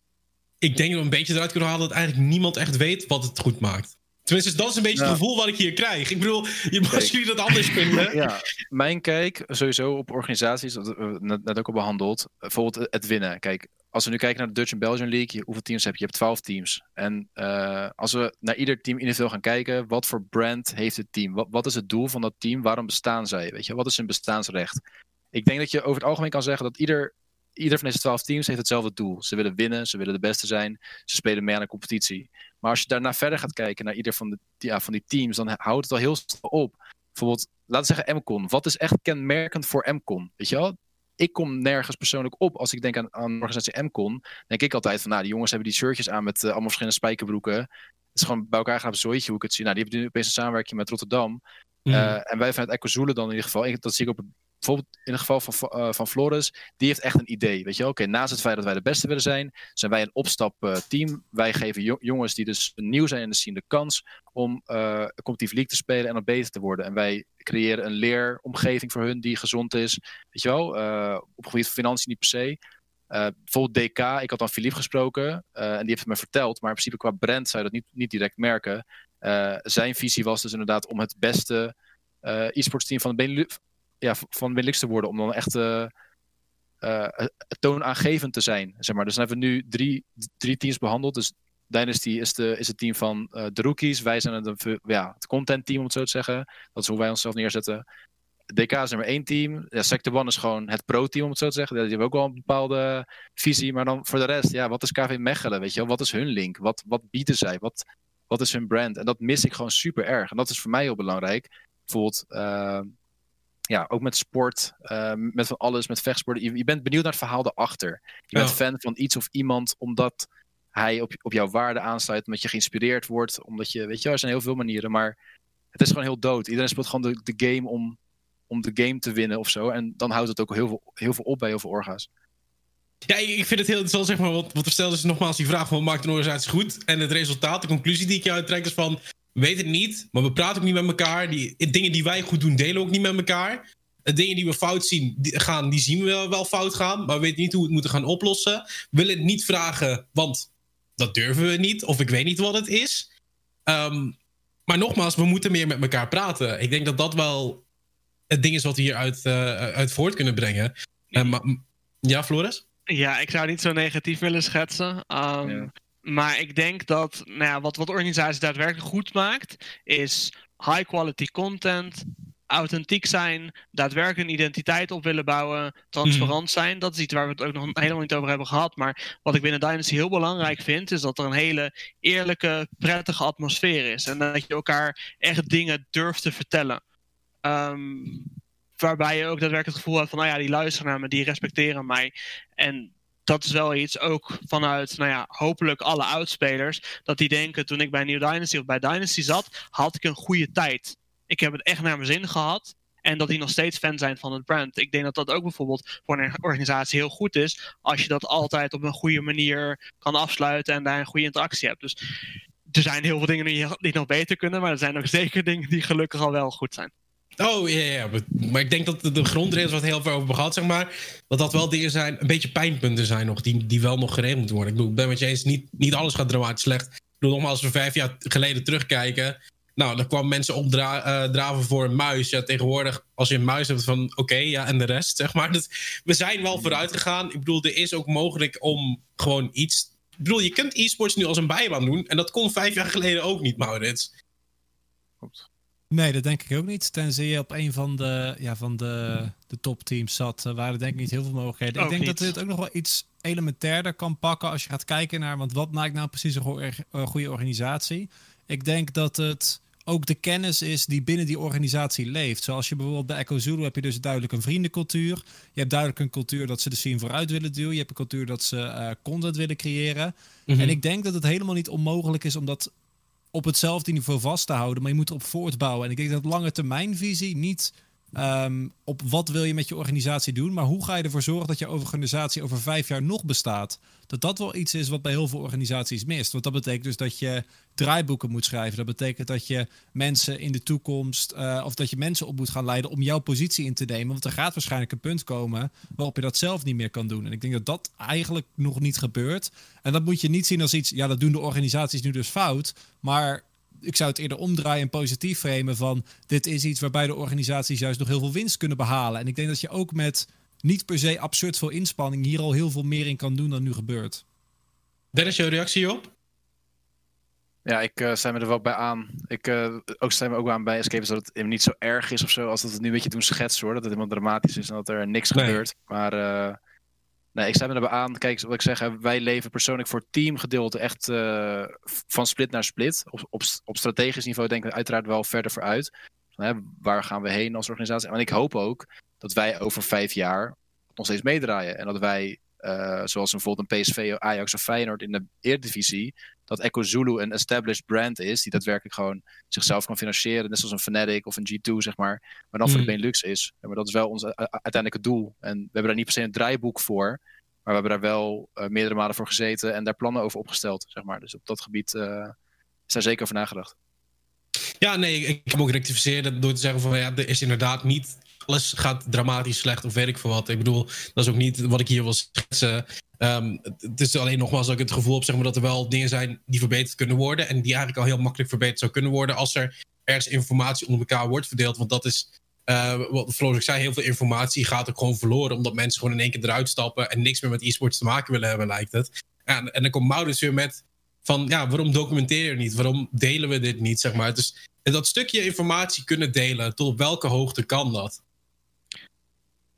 Ik vind het wel interessant om op in te haken. Um, ik denk dat best wel wat informatie je wel echt actief probeert te delen. Uh, Maar soms zit het gewoon meer in je hoofd. En dan zie je bepaalde linkjes die je, of bepaalde stappen die je hebt gemaakt. Heb je niet er bewust over nagedacht. En vervolgens misschien als later iemand zegt: Oh, dat heb je echt goed gedaan. Dan dacht je: Oh ja, heb ik dat gedaan? Oh ja, nice. Dus het is ook niet heel makkelijk om te documenteren. Aan de andere kant, het zou wel gewoon heel veel beter zijn. Het zou heel veel beter zijn als je daadwerkelijk dingen voorbereidt. Zodat, nou ja, mocht iemand opeens wegvallen, dat iemand wel die taken over kan nemen. Alleen hoe, dat vind ik nog heel erg lastig. En ik wil nog op Maurits inhaken. Jij zei zo net vijf jaar geleden dat mensen toen misschien bij de topteams vanuit e-sports een bijbaan konden hebben. Dan kan je zeggen, vijf jaar geleden had echt niemand salaris. Letterlijk niemand. Dat was echt, dat leek ook onmogelijk. Ehm, dus als we dan daarnaar kijken in wat er nu is aan salaris ten opzichte van toen, nou dan hebben we echt gigantische sprongen gemaakt. Ja, en ik denk dat het ook gewoon in de toekomst meer en meer gaat brengen. Ehm, ik denk dat we hier nog steeds uren over door kunnen praten. Ik denk, is er iets wat er nog niet benoemd is, wat jullie denken van, nou, dit wil ik eigenlijk ook nog wel eventjes benoemen, Dennis? Ehm, niet direct. Ik denk, ja, samengevat, het komt gewoon heel erg neer op, die, uh, op het financiële deel voor mij uh, persoonlijk, wat ik dus zeg. Mm. en wat ik ook vertelde, er zijn bepaalde taken die je moet doen. En omdat je dus er niet voor betaald krijgt, dan neig je om de dingen te doen die je leuk vindt. In mijn geval is dat, is, is dat ja, content bedenken, maken, uitvoeren. Het spelen van League vind ik leuk. De, het, het hele proces, de competities. Dus ik ben heel erg betrokken bij het team. En dat ook als ik niet speel, ben ik er wel bij bij de scrims. Dan denk ik mee met de gast over de draft. Uh, maar er zijn dus bijvoorbeeld dingen zoals het schrijven van het draaiboek of uh, het, het, documenteren van de dingen die ik bedenk of zo. Dat vind ik niet leuk. En omdat dat het dus geen daadwerkelijk uh, ja, euro's aan, aan overhoud, doe ik dat niet. Want weet je wel, mm. ik besteed mijn vrije tijd waar ik niet voor betaal, krijg liever van dingen die ik leuk vind dan ik. Weet je wel, dus dat is een beetje, een beetje het ding. Maar ja, het overlapt elkaar heel erg. Want je moet dus de dingen die je niet leuk vindt doen om er, weet je wel. Dus het is never ending cycle hierin. Maar, uh... Ja, ik denk dat het wel in, in alles terugkomt. Dat je moet altijd dingen doen die je niet leuk vindt. Ik denk dat Floris dat ook al vaak is tegenkomen. Helaas wel, helaas wel. En eigenlijk zorgt het er ook weer voor dat je andere dingen leuker gaat vinden. Ik denk dat als je altijd alles super leuk vindt, dan wordt het zelf saai. Omdat het hmm. dan niet meer zo leuk is. Dus zorg ervoor dat je ook af en toe gewoon hele stomme dingen doet. Dan ga je de rest weer meer waarderen. En daarnaast, ja, ik denk niet dat we heel veel zijn vergeten. Ik denk dat het enige wel is echt vraag om hulp, gewoon bij mensen.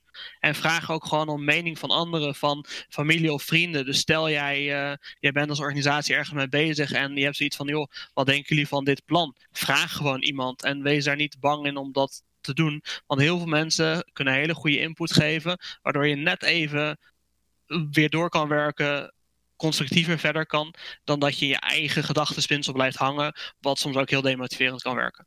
Dus dat is wel iets als organisatie wat ik wel heel erg heb gemerkt. Vraag gewoon anderen en ze willen je echt wel helpen. Dus jullie gaan ook meer onder elkaar praten, denk ik dan nu. Dat, uh, dat moet nu wel. Hè? Ja, dat...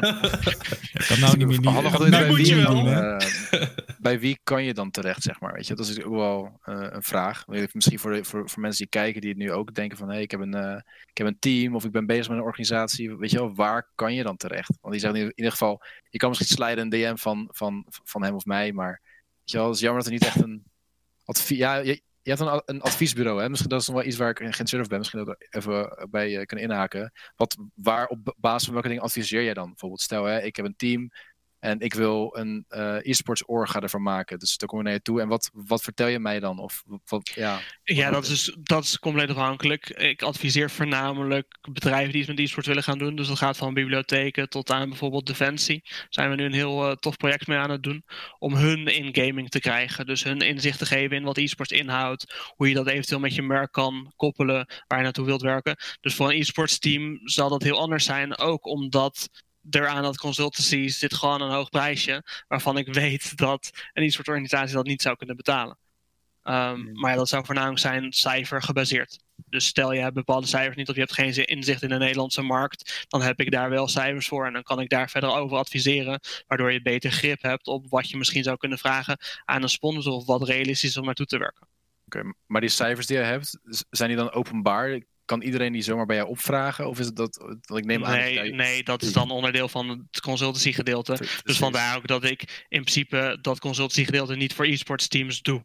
Dan zou het voornamelijk zijn als iemand me nu zou DM'en en bepaalde vragen zou hebben. Dan beantwoord ik dat in hoeverre uh, ik dat kan verantwoorden naar mezelf, om het zo maar te zeggen. Precies, en dat is ook dus, dat, dat sluit er gelijk aan op het onderwerp waar wij dus mee zitten, bijvoorbeeld bij Colin. Hè? Dus uh, mm. stel je met de orga, wat heb je nodig? Een sponsor. Ja, heel, je zegt zelf al, heel, heel weinig mensen in e-sports hebben ervaring met sales.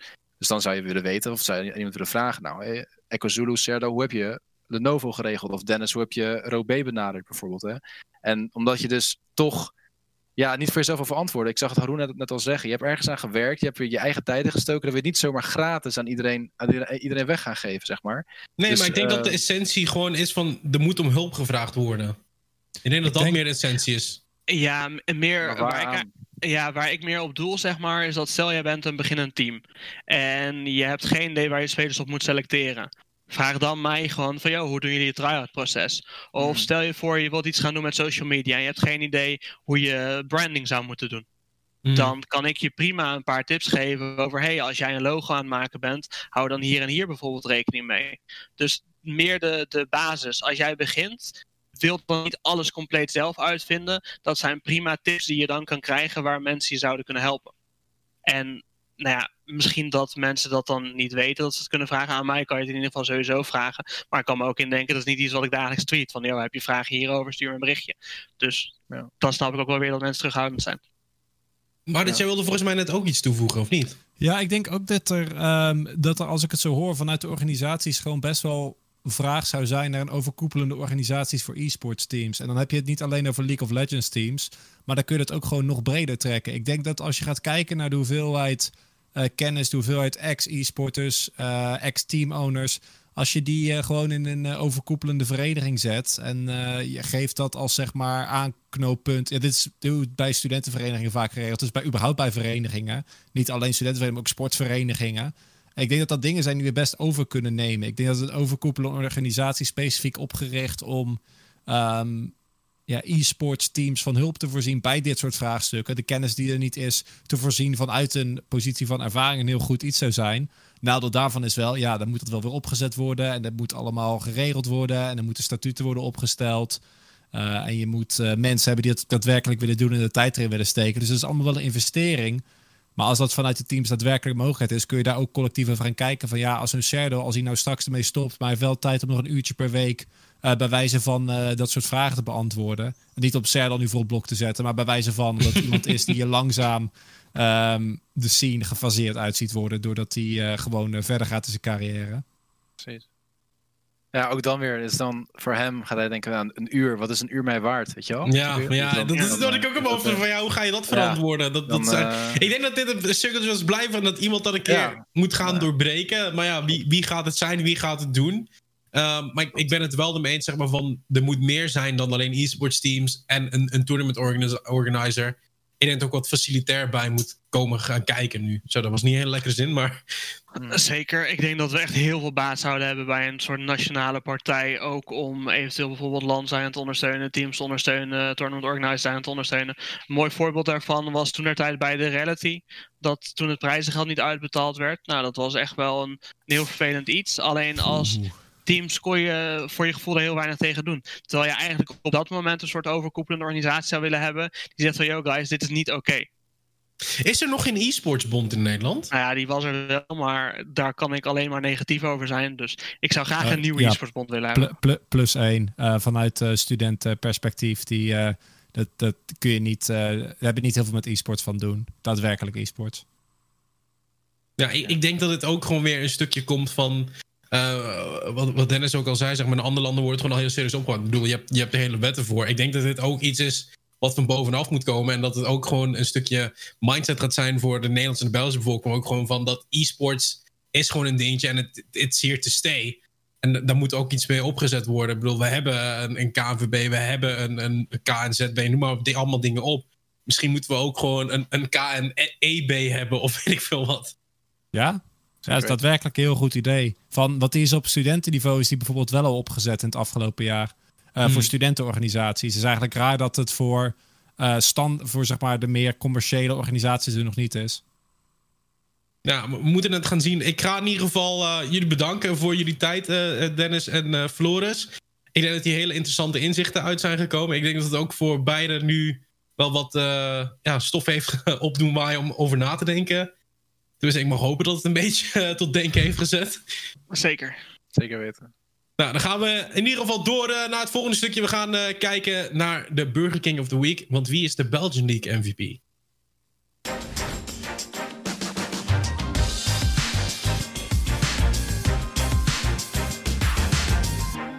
Ja, naar die performance van ja, de twee games die zijn gespeeld, uh, Maurits, is het uh, Dibu die MVP is geworden in de Belgian League. Um, niet heel verrassend. Nee, Dibu was echt heel goed. Uh, Sector 1 was een beetje van, ah, gaat Sector 1 dit seizoen weer iedereen aanpakken? Uh, ja, die hebben natuurlijk een voorsprong. Maar zelfs met die voorsprong in acht nemend uh, leek het antwoord op die vraag weer van, ja, ja dat gaan ze deze split ook weer doen. Hoe, hoe kijk jij naar zo'n speler als Dibu, uh, Flores?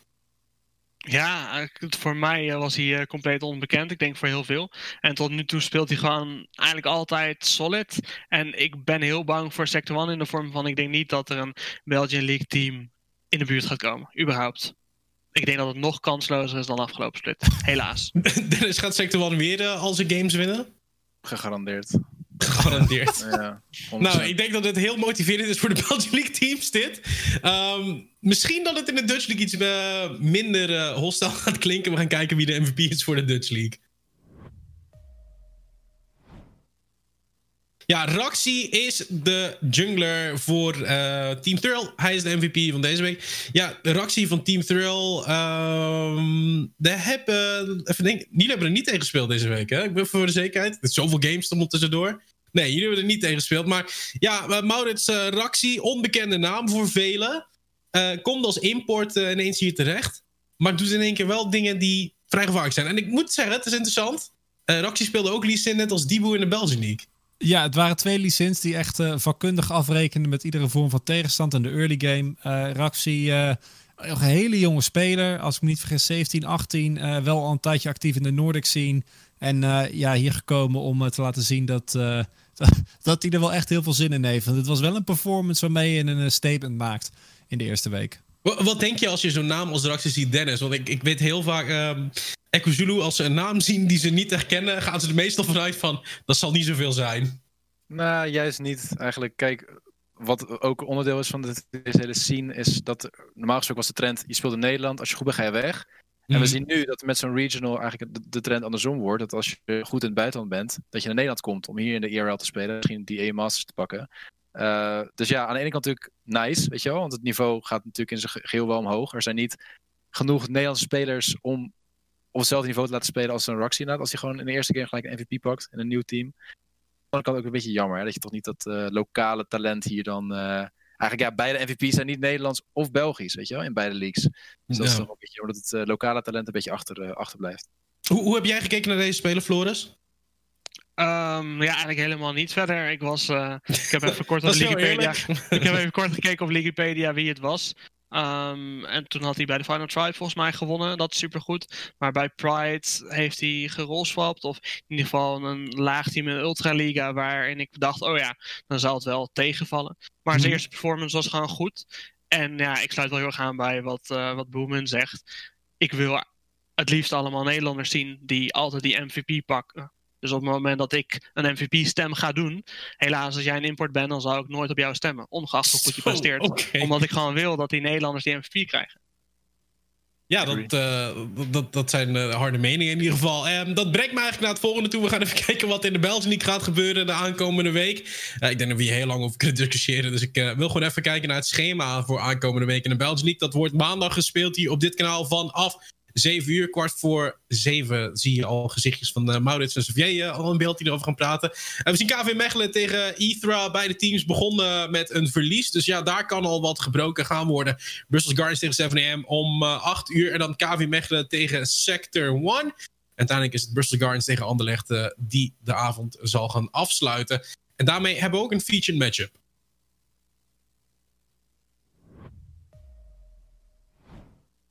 De featured matchup uh, voor deze week is Bristol Guardians tegen Team 7am. Ja, de gedachte erachter, Maurits. Uh, Team 7am komt als nieuw team binnen in de Belgian League. Um, heeft niet de allerhoogste verwachtingen, maar dit zou mogelijk wel het team zijn waar ze een win tegen zouden kunnen pakken. Ja, het uh, wordt wel een zware split op het moment dat uh, deze match niet gepakt gaat worden. En je kijkt natuurlijk ook naar wat zijn nou de matches die grote impact kunnen hebben op het uiteindelijke klassement. En ik denk dat dit de, uh, de type matches zijn die je of als Brussels Guardians of als 7am. We hebben gezien wat er de vorige keer in de Belgian League gebeurde. was ook last minute kwamen teams nog door. Dan zijn dit matches in, de, in het begin die je moet pakken. Want als je kijkt, ja, Sector 1 in een MVP matchup of in een featured matchup pakken, ja Sector 1. Ehm, en deze matchup gaat denk ik echt wel relevant zijn voor beide teams. Willen ze de kans om die playoffs uiteindelijk weer net last minute te halen in leven te houden? Het, is eigenlijk best bizar, uh, Floris, dat je al zo vroeg in de split al bent bezig bent met die playoffs. Ja, ik denk dat je eigenlijk van het begin af aan bezig bent met playoffs. En ook bijvoorbeeld vanuit Dynasty was het, wij hoopten dat we in week 1 tegen PSV zouden moeten spelen. Gewoon puur omdat we weten dat het een bizar moeilijke pot gaat zijn. Dus dan mhm. hebben we extra tijd om te trainen. Uh, toen moesten we tegen Ekazulu en toen waren we allemaal aan het huilen eigenlijk. Want we dachten, ja, op een gegeven moment zagen we dat zij een ervaren roster hadden. En toen dachten we, dat is juist onze weakness nu. Dus ik mhm. snap wel, en ik denk ook dat ze wel op Bristol Guardians als 7M hier gaan denken. Deze moeten we winnen. En dat maakt extra leuk. Een meer uh, relevant schema waar we nu in gaan is de Dutch League voor jullie uh, beiden. Uh, nou ja, voor Dennis en Floris uit. Het is voor ons wel relevant omdat we het graag zien. Dynasty en Lona Lions die trappen het af in de avond. Dan gevolgd door MCON Esports tegen PSV. Dynasty nog een keer tegen Team Thrill. En uiteindelijk is het dan MCON tegen Echo Zulu die dat af gaat maken op die avond. Ja, twee matches voor jullie, Floris. Ja, en ook twee pittige matches. Maar uh, je hebt de woorden van Fatshield gehoord voor zijn matchup tegen Luca. Ja. Um, dat was heel duidelijk. Dus twee meter onder de grond, zei hij. Twee meter onder de grond, zei hij inderdaad. Dus ik denk dat tegen Lone Lions wordt makkelijker dan tegen Trail. Ik denk dat Trail momenteel echt wel een, eh, een niveautje daarboven zit. Dus als we mhm. die van Lone Lions pakken, tegen Trail eventueel zouden verliezen, dan zou ik tevreden zijn. Maar we gaan uiteindelijk natuurlijk voor die 2-0. Ook al gaat het niet makkelijk worden. Zeker niet. Ja, Mcon dan uh, tegen Kazulu, Dennis. Uh, Mcon begon niet het allersterkste uh, gisteren. Ja, dat sluit aan bij onze verwachtingen. In ieder geval mijn verwachtingen. Ik denk dat Mcon de laatste, laatste plek gaat pakken. Die gaan ja, ook 1-9 als wij vorige split. Misschien dat ze 0-10 gaan, wie weet. Misschien kunnen, kunnen ze ons record verbreken daarin. Nee, maar ik verwacht zeker dat Mcon deze split niet heel veel gaat laten zien. Ik verwacht een makkelijke win voor Ekazulu. Ja, wat verwacht je eigenlijk van de split? Want we zien nu Lone Lions die gerebrand zijn vanuit de Fuse Kids. Die waren altijd... Nou ja, het ging om de top 2 voor split tussen PSV en de Fuse Kids. Eigenlijk was dan de Fuse Kids die het won. Gaat het dit seizoen nog steeds tussen Lone Lions en PSV, Floris? Ik denk eh, PSV duidelijk bovenaan. Ik hoopte dat Lone Lions een sterke roster zou neerzetten. Uh, no hmm. offense naar de spelers die er nu in zitten. Maar zeker ten opzichte van hoe ze met DK en EU Masters gespeeld hebben. Best wel in de spotlight gekomen. Dus ik dacht echt van, oh, daar gaat een insane roster komen. Um, en dat is gewoon net iets minder. Dus ik denk PSV ruim bovenaan. En dan heb je spot 2 tot 5. Die teams gaan er echt om vechten. En dat is niet MCON. Want ik denk dat MCON, net zoals wat Boom net zei, ik denk dat zij onderaan gaan eindigen. Um, wie, gaat samen met, wie gaat samen met hun onderaan eindigen dan? Um, nou ja, ik moet zelf zeggen dat ik een beetje bang ben dat Dynasty daar misschien terecht kan komen. Als we wel realistisch blijven. Aan de andere kant, afgelopen split, de eerste twee weken was gewoon wat zwaarder. Maar daarna kwamen we heel goed op stoom. En dat is wat, waar we nu op richten. Maar ik heb wel het idee, het niveau van Echo Zulu is een stukje hoger. Trail lijkt een stukje hoger. Uh, Lone Lions DK is misschien iets lager, maar is niet zoveel lager dat dat makkelijk is om tegen te spelen. Dus ik denk dat er ook zelfs nog de verrassing zou kunnen komen... en dat bijvoorbeeld zelfs een Lone Lions op vijfde gaat eindigen. Een Lone Lions op de vijfde plek. Zie je dat gebeuren, Dennis? Um, ja, ik ben benieuwd hoe ze spelen met een, eh, met een echte, met een echte line-up. natuurlijk uh, vorige, vorige game was het met een substitute, begreep ik, die niet uh, eigenlijk in de roster hoort. Ja, in principe gewoon Luca, Hades, goede spelers. Uh, ben ik naar benieuwd. En dat ja, Raco, ik denk niet dat ze eerst gaan worden met deze lijnen. Vijf is misschien iets, uh, iets te veel van het goede. Ik denk, het zou natuurlijk wel fijn zijn hè, als we boven mm. eindigen. Maar ik denk dat zeg maar, de teams uh, van twee tot, tot vijf zeg maar, wel redelijk dicht op elkaar liggen. Uh, als Dynasty zichzelf op kan pakken, dan, dan verwacht ik dat het leuke games worden die echt gewoon close kunnen worden. Ja. Ja, want het is wel de featured matchup Dynasty tegen Lone Lions. Uh, is het uh, misschien al uh, de plek voor de strijd om de vijfde plek? Als ik Floris zo mag horen. En ook niet verbaasd zijn als Lone Lions dat zal doen. Quicktimer zal trouwens de support zijn. De kant van Lone Lions. Dat staat helaas verkeerd in, in dit... Zo, ik maar in deze graphic. dus excuses daarvoor. maar dat zal Quicktimer zijn die dat gaat plaatsnemen. Ja, Maurits, dat is de eerste keer dat we de ex-Diffuse Kids, and Lions nu in hun uh, vaste vorm gaan zien. Ja, ik denk niet dat we echt een eh, idee hebben van wat, uh, hoe goed Lone Lines daadwerkelijk gaat zijn. Um, omdat ja, ik, je kan niet conclusies trekken uit de game van afgelopen week. Ik denk dat Frill die zat ook lekker in de wedstrijd. Ik, had, ik zou me niet verbaasd als Frill wel gewonnen had. Het was meer de manier waarop kwam duidelijk ook het voort uit het feit dat je daar met een uh, autofield sport speelt. Omdat je helaas een, sport hebt die niet kan. Dus ik kijk vooral naar deze week om de daadwerkelijke beeld te vormen van Lowland Lions. Ehm, ja, al met al, ik ben het er wel mee eens dat ik het gevoel heb dat ehm, de middenmoot een stuk competitiever is. En uh, ik denk dat als je zeg maar de veiligste bed zou maken, dan zou je waarschijnlijk gaan uh, op dit moment inderdaad PSV bovenaan. Puur omdat ze al een halve split ervaring hebben. Of een, een split ervaring achter de rug hebben. Um, en dan een tweede, derde voor Lowland Lions en Frill. Kozulu op de vierde plaats. En een Dynasty 5 uh, en Con 6. Maar ja, vorig seizoen hebben we ook ons volledig verkeken op een aantal line-ups. Dynasty bleek veel beter dan verwacht. Frill had een hele zware eerste split. Uh, ik had ook meer van Echo Zulu verwacht dus ik denk dat het. Ik, ik ben heel erg voorzichtig met het zeg maar, verbinden van grote conclusies aan die eerste week. Ja, het enige wat hieruit kan concluderen is dat je er dinsdag gewoon bij moet zijn. Uh, vanaf kwart voor zeven. Dan uh, zijn we live hier op GameBlix Lol. Vergeet ook niet op het kanaal te volgen. Ja, Dennis en Floris, nogmaals uh, bedankt voor jullie tijd. En dat jullie je insight wilden geven in ja, hoe jullie organisaties werken en hoe jullie er naar kijken. En volgende week gaan we het hebben over de rookies tegen de veterans. En ik kan één ding verklappen, Floris gaat er niet bij zijn. Ook al praat hij heel erg over rookies, werkt hij graag met rookies.